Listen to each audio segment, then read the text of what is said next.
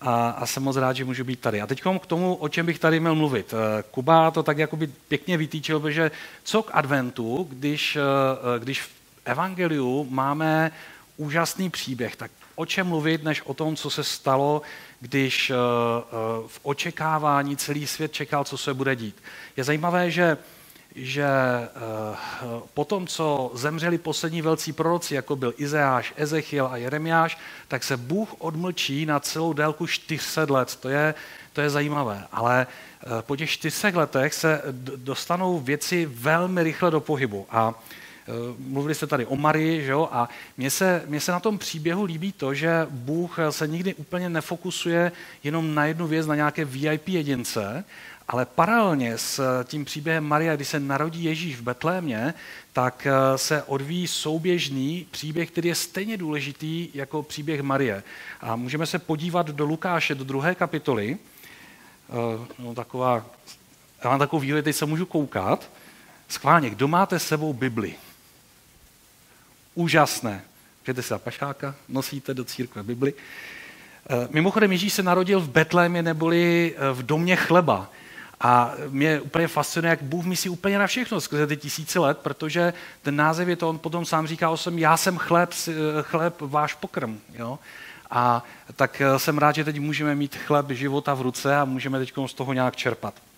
Totiž eh, v té druhé kapitole od 8. verše je napsáno, že v téže krajině byli pastýři, kteří pobývali venku a v noci drželi hlídky nad svým stádem. A hle, postavil se k ním pánův anděl a pánová sláva je ozářila ve, v, v, souběžně ve stejné době, kdy Ježíš se narodí Marii, tak Bůh začne jednat, a to poměrně velmi nadpřirozeně, po 400 letech. Nic se jakoby neděje, my nevíme, co se během té doby dělo, ale žádný prorok se neobjevil, až když se objevil Jan Křtitel. A pak najednou, ještě předtím, než vystoupí Jan Křtitel, tak se stane úžasná věc a Bůh najednou zjeví svoji slávu.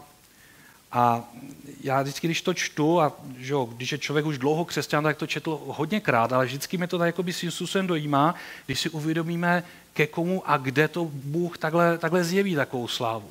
Pastýři, kteří spásli ty stáda někde okolo Betléma, tak eh, v té době eh, to byli velmi, eh, velmi ne, neoblíbení lidi. Byli to lidi na okraji společnosti a dokonce podle toho, co se o tom ví, tak byli v podstatě vyloučeni z náboženské činnosti. Nemohli jenom tak přijít do synagogy a tam, eh, tam být jako ostatní. V podstatě se dá říct, že Bůh v tu chvíli nejednal s nějakými VIP osobnostmi, ale přišel k těm nejposlednějším. Dokonce pastýři v Izraeli nemohli svědčit u soudu. Až tak byli na okraji společnosti. A eh, jako Bůh je naprosto neuvěřitelný, protože i přesto, že byli považováni za naprosto nedůvěryhodné, tak Bůh si vyvolí ty, kteří jsou nedůvodní k tomu, aby potvrdili a stvrdili to, že došlo k tomu největšímu zvratu v lidských dějinách. Protože oni se ocitli na tom správném místě v ten správný čas, kdy Bůh eh, začíná naplňovat něco, co připravuje tisíce let a oni to můžou dosvědčit. A to, to, to je, proč by možná Bůh i vybral to, protože eh, nebyli to jedinci, kteří, kteří, kteří rozhodně by nad tím nefilozofovali. Eh, já učím eh, na, na vysoké škole a tak si umím představit své kolegy, jak by nad tím přemýšleli, že bylo nějaké UFO. Jo, nebo kolektivní halucinace. Já mám příští týden schůzku s kolegy eh, z katedry, z fakulty z katedry psychologie, tak přemýšlím, že, že se jich na to zeptám. Jako, jo? Oni by řekli, to byla halucinace. Jo? Případně něco si šlehli. Asi koksem ne, protože to je moc pro, pro, pro bohaté, tak možná perník, jsem se Ostravy, že jo. A nebo humanistickými myšlenkami, že ono to úplně tak jako nebylo a tak, ale tihle ti lidi, když teda něco takového zažili, tak to bylo a řekli, že tak to bylo, tak v tom byli věrohodní. Všimněte si, že někdy eh, lidé, kteří eh, nejsou až tak moc jako eh, v, v, té, v té hlavě až tak inteligentní, tak jsou někdy v té víře až takový děčtí a, a přirození. A když nějakému takovému člověku se něco stane, tak to skutečně je něco. My jsme měli ve sboru jednu sestru, která vedla knihkupectví takhle ve sboru, neuvěřitelně zbožná, úžasná žena a modlila se za svého syna, který dohromady strávil asi 14 let v Krymu, když, jako hudebníci neposlouchejte, když byl malý, jestli máte děti, chtěli, ona po něm chtěla, aby hrál na klavír, jo? a aby nehrál na klavír, tak šel, vzal ruku do dveří a takhle si zlomil prsty, aby jako mohl, nemohl hrát na, na klavír. No, prostě takový drsoň. Jo? A byl asi třikrát rozvedený a on u ní žil a dost jí trápil a ona nakonec zemřela. Jako, no. A dlouho jsme o něm nevěděli a pak se najednou objevil ve sboru. Jo. A jo, prostě potetovaný maník, jo, takový prostě chachar, jo, takhle z hospody. A on byl úplně jiný. Předtím z něho šel strach a on říkal, Bůh ke mně mluvil a my nám spadla čelist, protože jsme si říkali, jestli tenhle ten uvěří, tak jako prostě v podstatě není možné, nemožné nic. Jo. A e, mu se stalo to, že, e, že jak tak byl doma sám najednou, že mamka mu umřela, tak e, skutečně Bůh k němu promluvil a k němu promluvil tak, že on najednou si uvědomil celý ten život, komu, komu zlomil ruku, koho okradl jo, a, a tak, jako a strávil 13 let v součtu dohromady ve vězení. A on skoro celý týden, Bůh k němu mluvil, on nechodil do práce a jenom celý týden chodil po bytě, pronaříkal nad tím v pokání. A dokonce to bylo tak silné, že sousedi bušili, to jak v povídkách Šimka a Grossmana, to je fakt realita, protože bušili takhle na, smetákem na, na strop a na, na topení, říkají, pane Salapetek, prosím vás, přestaňte už tam s tím večírkem, jo, už je to třetí den, to není možné, jako jo. Ale přitom on, On tak se ho hluboce dotkl Bůh, že on pronaříkal celý týden nad tím a dneska je to jeden z nejvěrnějších členů sboru, který chodí. Akorát, že si uvědomuje, že ztratil 67 let života. A teď se snaží ten zbytek života naplnit to, aby Bůh s ním jednal. A pro mě je to něco, stejně jako u těch pastýřů, že, že, že pro mě je to věrohodné. Když mluvím o tom, jestli Bůh jedná, tak eh, častokrát ho v poslední době, když třeba jsme na táboře a, a mluvíme k dětem, tak říkám, jako Bůh jedná s lidmi i dnes i nadpřirozeně a může zachránit člověka, který je násilník, který pije, který smilní, který, který fetuje, může ho zachránit a dokonce i v pozdním věku. Dobrá zpráva i pro ty, kteří jsou starší než já. Tak takovým se Bůh sklonil a udělal mimořádný zázrak. Konec konců, eh, že jo, v první korinským eh, je napsáno, to, to, to vlastně Pavel takhle jakoby dokumentuje, možná to určitě znáte, v první korinským v první kapitole 27. verše napsáno, ale co je u světa bláznivé, to si vybral Bůh, aby zahanboval moudré, a co je u světa slabé, to si vybral Bůh, aby zahanboval silné. A co je u světa neurozené a méně cené, to si vybral Bůh, vybral dokonce i to, co není, aby zrušil to, co je. No nemáme úžasného Boha, který, který, který není jenom pro VIP lidi a pro VIP osobnosti, To je úžasné. A e, v té chvíli, když tam ti pastýři byli, tak došlo k propojení e, nebe a lidského světa. Trošku jinak, e, než by si to naši pohanští sousedé představovali, protože když se vrátím zpátky do toho Lukáše, tak je napsáno, a hle, postavil se k ním pánův anděl a pánova sláva je ozářila. Úplně jiná rovina toho, co si lidé představují, třeba když dneska chtějí skřísit kelce svátky, že? když se propuje duch eh, eh, svět zemřelých a svět náš jo? a, a teď eh, se snaží to nějak skřísit na období slunovratu a podobně. Lidé mají prazvláštní představy, ale tady mimochodem máme nahlédnout do toho, co vlastně jakoby skutečně v nebi, ale v tom dobrém slova smyslu. Bůh otevřel nebe a najednou se dějí věci. A nejenom, že eh, se došlo k tomu, že, že se celé to tam rozářilo, ale je tam napsáno i, i zmocnil se jich eh, velký strach. Když se setkáme s Bohem, tak si myslím, že, že může přijít i strach, ale tady to je jiný, jiná kvalita strachu, než máme zkušenost. Spíš bychom mohli říct, že se zmocnila bázeň. Možná i byl strach, protože eh, strach je mimochodem přirozená, přirozená věc. Eh, ale nebyl to žádný destruktivní strach. Eh, strach je emoce, která je pro nás přirozená. Já jsem fyziolog, tak vždycky nad tím tak přemýšlím, jak to je. Bůh, to je zajímavé, jak ten Bůh jako mozek jako udělal. A vlastně dá se říct, že strach je naprogramovaná součást našeho softwaru v tom, že ho prostě máme. Kdo nemá strach, tak buď má e, vsteklinu, nebo má lobotomii a má odstraněný frontální kortex, anebo má nějaký zvláštní poruchy. Ale strach je přirozená věc. Dokonce nám bránit proto, abychom dělali některé věci, které by nás mohly poškodit, nebo bychom mohli přes nějakou hranici, která by nás už mohla třeba stát zdraví nebo život nebo podobně. Na druhou stranu strach odpojuje rozum. Eh, to je docela zajímavé, jak to v tom mozku funguje. Když máme jako opravdu velký strach, tak uh, on vychází z vnitřku z limbického systému a odpojuje tady nám tu frontální, tu čelní část naše mozku a, a jednáme půdově.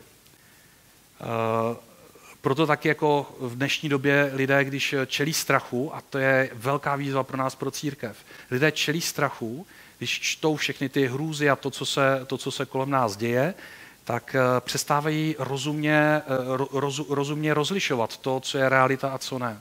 A jednáme podle, podle emocí. A marketéři mnohých politických stran to ví a proto používají strach proto, aby, abychom dělali v podstatě to, co by oni chtěli, protože se uh, rozhodujeme pudově. Ale zajímavé je, že to, co se stalo těm, těm mužům, kteří to viděli, je to, že, že oni se chovají poměrně velmi racionálně. Protože když se setkáme s Bohem, tak on nás nevede do strachu, který nás vede do zmatku a do emocí, kterým nerozumíme tak, že začneme zmatkovat a dělat něco, co je neracionální, nerozumné. Ne, nejednáme jako blázni a šílenci. Eh, když jsem se připravoval celý týden teď na to, tak jsem přemýšlel nad tím, že bych tady ještě zmínil jednu věc. Eh, ten strach může být i destruktivní a dokonce i v náboženském prostředí. Pokud eh, mám představu, že Bůh je krutý Bůh, kterému musím nějak otročit a sloužit, protože musím splňovat nějaké příkazy a nařízení, tak, eh, tak to můžu tak dělat, ale můžu mít strach z Boha. A můžu mít, mohu mít strach z toho, že udělám nějakou, nějak udělám krok, krok vedle a on mě za to potrestá. A eh, v pastoraci se často s tím setkávám, že lidé takhle, takhle to vnímají. Ale ten příběh, který, který čteme v Evangeliu, není o tom, že Bůh je krutý že to je Bůh, který by byl nemilosrdný a ze kterého bychom měli mít neadekvátní nebo náboženský strach, jako destruktivní strach. Co mi zase ten fotr udělal? Už se vidím. Teď jsem něco udělal, co mi zase strouhne. Ale náš Bůh je úplně jiný. Já jsem teď jsem se úplně vyděsil, protože vedu takový křesťanský skautský oddíl a v létě jsem klukům půjčil takovou docela drahou bivakovací plachtu a oni mi teď na konci října vrátili. Takhle se klepali u toho a říkají, no víš, ještě měli takhle fotky, my jsme byli na vandru a ono se nám to roztrlo, asi nějaké zvíře do toho vběhlo, jo, a, a, a říká, proč mi to dáváte teď, když jsem vám to dával v červenci, no víš, jako my jsme nevěděli, jaká bude tvoje reakce. Ona ta plachta stála asi pět tisíc, jo. A taková velká speciální biokovací plachta. A já jsem se úplně zhrozil, říkal jsem, vy máte se mě strach? A tak jsem udělal, pojďte ke mně, hoši, to takový roveři mladí, 16, 17, tak jsem říkal jsem, hoši, já se na vás nezlobím, na druhou stranu tady je kasička, rozbíte prasátko, já vám polovičku na to přispěju z oddílu, ale musíte to zaplatit. Jo? A, ale uvědomil jsem si, jak uh, lidé mají strach před autoritou a, a i, i, jak, jak na ostatní působíme. A říkám si, z čeho to pramení, kde se to bere? Protože náš Bůh, i když bychom, Ježíš říká, mějte strach z toho, kdo vás může uhrnout do Geheny, tak na druhou stranu je to milující otec, který vyslal svého syna, abychom, abychom byli zachráněni. A e, tak e, jsem ty kluky fakt obejmul a říkal jsem, hoši, já vás mám rádi přes to, co se stalo. A, a tak mi najednou před očima tak problesklo jako to, co je v Evangeliu, že Ježíš tady tohle to dělal a tak jsme se spolu za to modlili a jsem rád, že už, se, že už mě nemají strach a normálně přijdou na schůzku. Protože myslím si, že hlavní takové poselství adventu a vlastně Vánoc je nebojte se. To je důležité. Ne to, že přišel mocně Bůh a udělala se show. To je super. Ale to, že, že přijde a říká nebojte se v desátém verši je napsáno, anděl jim řekl, nebojte se, hle, zvěstuji vám dobrou zprávu o veliké radosti, která bude pro všechen lid. Že se vám dnes narodil zachránce, který je Kristus Pán v městě Davidově. Eh, anděle, eh, vel, mocní anděle, které Bůh posílá, tak se v historii lidstva, to vidíme v, v písmu, objevují častokrát. Gedeon, eh, Jozue a všichni jsou přestrašeni. Apoštol Jan padnou na zem, a klepou se, ale vždycky uh, přijde k ním a říká, povstaň, neboj se, protože já teď tobě budu mluvit. A pokud uh, přijde ke mně nějaká duchovní bytost a já se z toho rozsypu a pak mě takhle jako chce vodit, je to něco divného. Protože, protože vždycky, když někdo takový přijde z nebe, vyslaný, posel, vyslaný z nebe, tak eh, v písmu to vždycky vede k nějakému činu, k něčemu, co, eh, co mají udělat. Eh, nějak Bůh začíná jednat. A to je jedna, jedna stránka, ale druhá stránka je to, že vždycky přichází i to neboj se, já budu s tebou. Bůh je mocný a, a ohromný. V písmu můžeme najít místa, kde se píše o tom, že to je vychřice, která, která třese, třese stromy. V žalmech je to často takhle spodobňováno. A na druhou stranu je to i Bůh, který po tom, co přejde obrovská vychřice a zemětřesení, tak k Eliáši potom Bůh mluví velmi tichým hlasem. A myslím si, že v dnešní době eh, bychom měli být ti, kteří přinášejí zprávu pro lidi, nebojte se.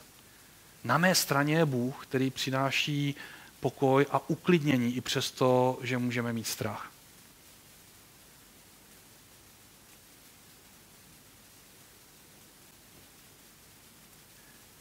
Hlavním poselstvím adventu a Vánoc, aspoň pro mě, je neboj se. Neboj se, protože já mám pro tebe dobrý konec. A v tom příběhu, který teď sledujeme, to tak je, protože v 12. verši je napsáno, toto vám bude znamením. Naleznete děťátko, zavinuté do plenek, ležící v jeslích. Takže je tam zpráva, něco byste měli udělat. Něco zatím, proč se teď prolomilo nebe, tak něco zatím je. A pak, pak je úžasný 13. verš. A náhle se s andělem objevilo množství nebeského vojska chválícího Boha a říkajícího sláva na výsostech Bohu a na zemi pokoj mezi lidmi božího zalíbení. E, já bych rád byl někdy mezi těmi anděli v té době. Představte si, že andělé pravděpodobně asi úplně netuší všechno to, co Bůh dělal. Oni jsou jeho služebníci a Bůh říká, běž tam, udělej tady tohle. A řekl bych, že anděle celých těch tisíci let sledují, co ten Bůh dělá a jak, jak to asi myslí, jaké to bude. A netrpělivě čekali v tom nebi, teď prostě pošle nějakého archanděla, zjeví se tam sláva a e, já bych si ten verš přeložil a jen co to dořekl, tak oni úplně natěšení přiběhnou dolů a začnou chválit Boha, že konečně je to tady. Teď se to stalo. A začnou ho chválit. A to je druhá taková část toho, co já z toho příběhu vnímám, že, že když přijde skutečně nadpřirozeně Bůh, tak tomu přijde i sláva a oslava Boha.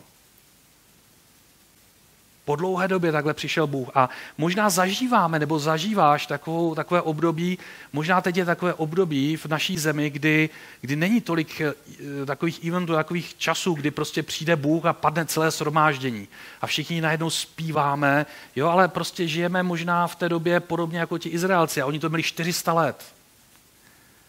Ale dobrá zpráva je, že dříve nebo později Bůh takhle mocně přijde. A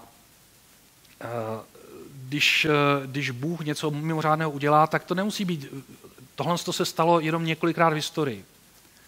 Pak ještě přijdou andělé za 30 let, když Ježíš je, eh, Ježíš je vzkříšen.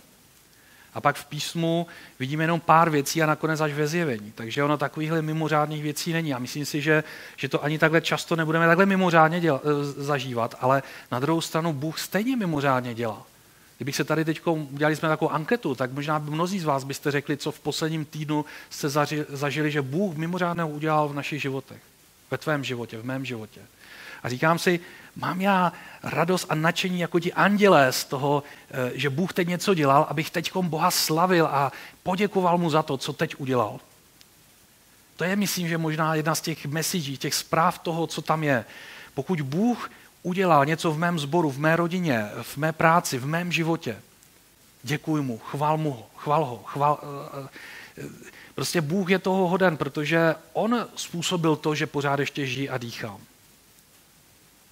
On může za to, že vás je tady tolik. Mně se to moc líbí. I když uh, epidemiologicky jste dobře rozesazení a ti, kteří jsou tam po čtyřech, po čtyřech, tak doufám, že jste rodina. Amen. A když to natáčí, tak to nebudu říkat, co tam zaznělo. Tak, uh, chválme Boha. Obzvláště v dnešní době. Přiznejme se k tomu. Protože dnešní doba nás vede k tomu, jako kdybychom na to zapomněli, jako kdyby, kdybychom byli pod takovou dekou všech těch negativních zpráv a toho, co se děje. Ale i v dnešní době se děje spousta věcí a máme mi se moc líbilo teď to, to svědectví, které jsem teď tady viděl na tom videu, protože že ten bratr říkal, co, co Bůh, jak se ho zastal, co udělal. A jsem říká, amen, Bůh je dobrý. A ten příběh eh, má spoustu rovin, ale eh, tohle si myslím, že je důležité. Dobrá zpráva je to, že nemusíme mít obavy a strach, protože Bůh je silnější než veškerý strach. A druhá věc je, pokud Bůh jedná jakože jedná, pokud jsme skutečně církev, pokud jsme ti, kteří patří Ježíši, pokud skutečně vyznáváme to, co vyznáváme, tak Bůh jedná. Když se modlíme, tak Bůh odpovídá, dříve nebo později. Ale pokud jedná, tak ho chvalme. A pokud ještě nejedná, tak ho chvalme za to, jaký je. Nezapomínejme na to. A e, ten příběh končí tím, že v tom Lukáši v té druhé kapitole od 15. verše je napsáno a stalo se, že jakmile od nich anděle odešli do nebe, což taky mimochodem ukazuje, že večírek není na furt, taky ten náš přítel Břeťa, který jsem vám říkal, jak tak doma pobíhal týden, večírek skončil a začala práce. Jo? Musí chodit do sboru, číst si písmo, někdy brble, jo? proč bych měl číst Bibli a tak. Takže jako jo, abychom se z toho nezbláznili, že? Takže jako něco začíná a končí. Začali se pastýři mezi sebou říkat, pojďme tedy až do Betléma, podívejme se na to, co se stalo, co nám pán oznámil. Pospíšili si tam a nalezli Marii i Josefa. A všichni, kdo to uslyšeli, úžasli nad tím, co jim pastýři řekli. Eh, ti pastýři podle toho kontextu vypadá, že ne, se, eh, ty, ty stáda nepásly, já nevím, kilometr daleko. Oni byli relativně dost daleko a museli si říct, my se tam musíme rozhodnout jít. Něco podobného se stane za nějakou dobu, protože ti pastýři ztratí strach, mohou klidně přijít do Betléma, to bylo docela velké město na tehdejší poměry, a nemusí mít strach, že tam se s nima někdo poš, jo, že vyhodí a tak. Nebáli se vít, protože ten strach po setkání s Bohem zmizel, protože Bůh je proměnil, proměnil jejich srdce. Něco takovou se stane mimochodem učedníků za 30 let potom, protože učedníci jsou přestrašení po tom, co Ježíš zemře na kříži, ale pak přijde Ježíš, setkají se s živým Bohem. Další takový jakoby vpád nebe na zem ztratí strach a nakonec mocně kážou eh, tisícům a tisícům lidí v Jeruzalémě a nebojí se potom eh, se nechat zabít pro Ježíšovo jméno. Obrovský obrat, protože když se setkáme s Bohem, tak nás promění. A když vyšli, tak našli spasitele. Nevíme, co se s těmi pastýři stalo, ne, neznáme už jejich příběh, ale jejich příběh je pro nás důležitý v tom, že, že, že je třeba Bohu děkovat a že je třeba vít. Když mi Bůh něco řekne, tak výjdu. A máme jistotu, že když Bůh mě pošle, takže On naplní to, co, to, co řekl a to, co chce, abychom udělali. A můžeme mu pak za to děkovat, protože když zažijeme s Bohem uh,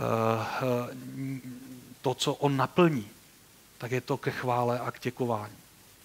I když je to námaha. I když to něco bude stát, oni museli zajistit hlídání stáda, ti přímí účastníci se museli tam vydat. Museli riskovat, že jim to někdo šlohne, že se něco stane. Že půjdu do neznámá, neví, co je tam bude čekat, nějaké mimino. Možná spasitel, takových tam už bylo, ale on se opravdu narodil. A tak bych toho zakončil takovou myšlenkou, nenechme si ukrást chválu. Nenechme si ukrást chválu a to, když Bůh se chce vlomit tady na zem jsme teď, co podobně jako jste měli ten hořící keř, tak my jsme teď v pátek měli večer chval. Někteří naši hudebníci byli nešťastní, z toho přišlo tak málo lidí. A já jsem z toho byl taky tak trošku nešťastný, protože málo kdy se můžeme sejít a využíváme ten čas, kdy můžeme společně chválit Boha. Využijeme ten čas, protože potom během týdne nás šrotuje práce a není co všechno.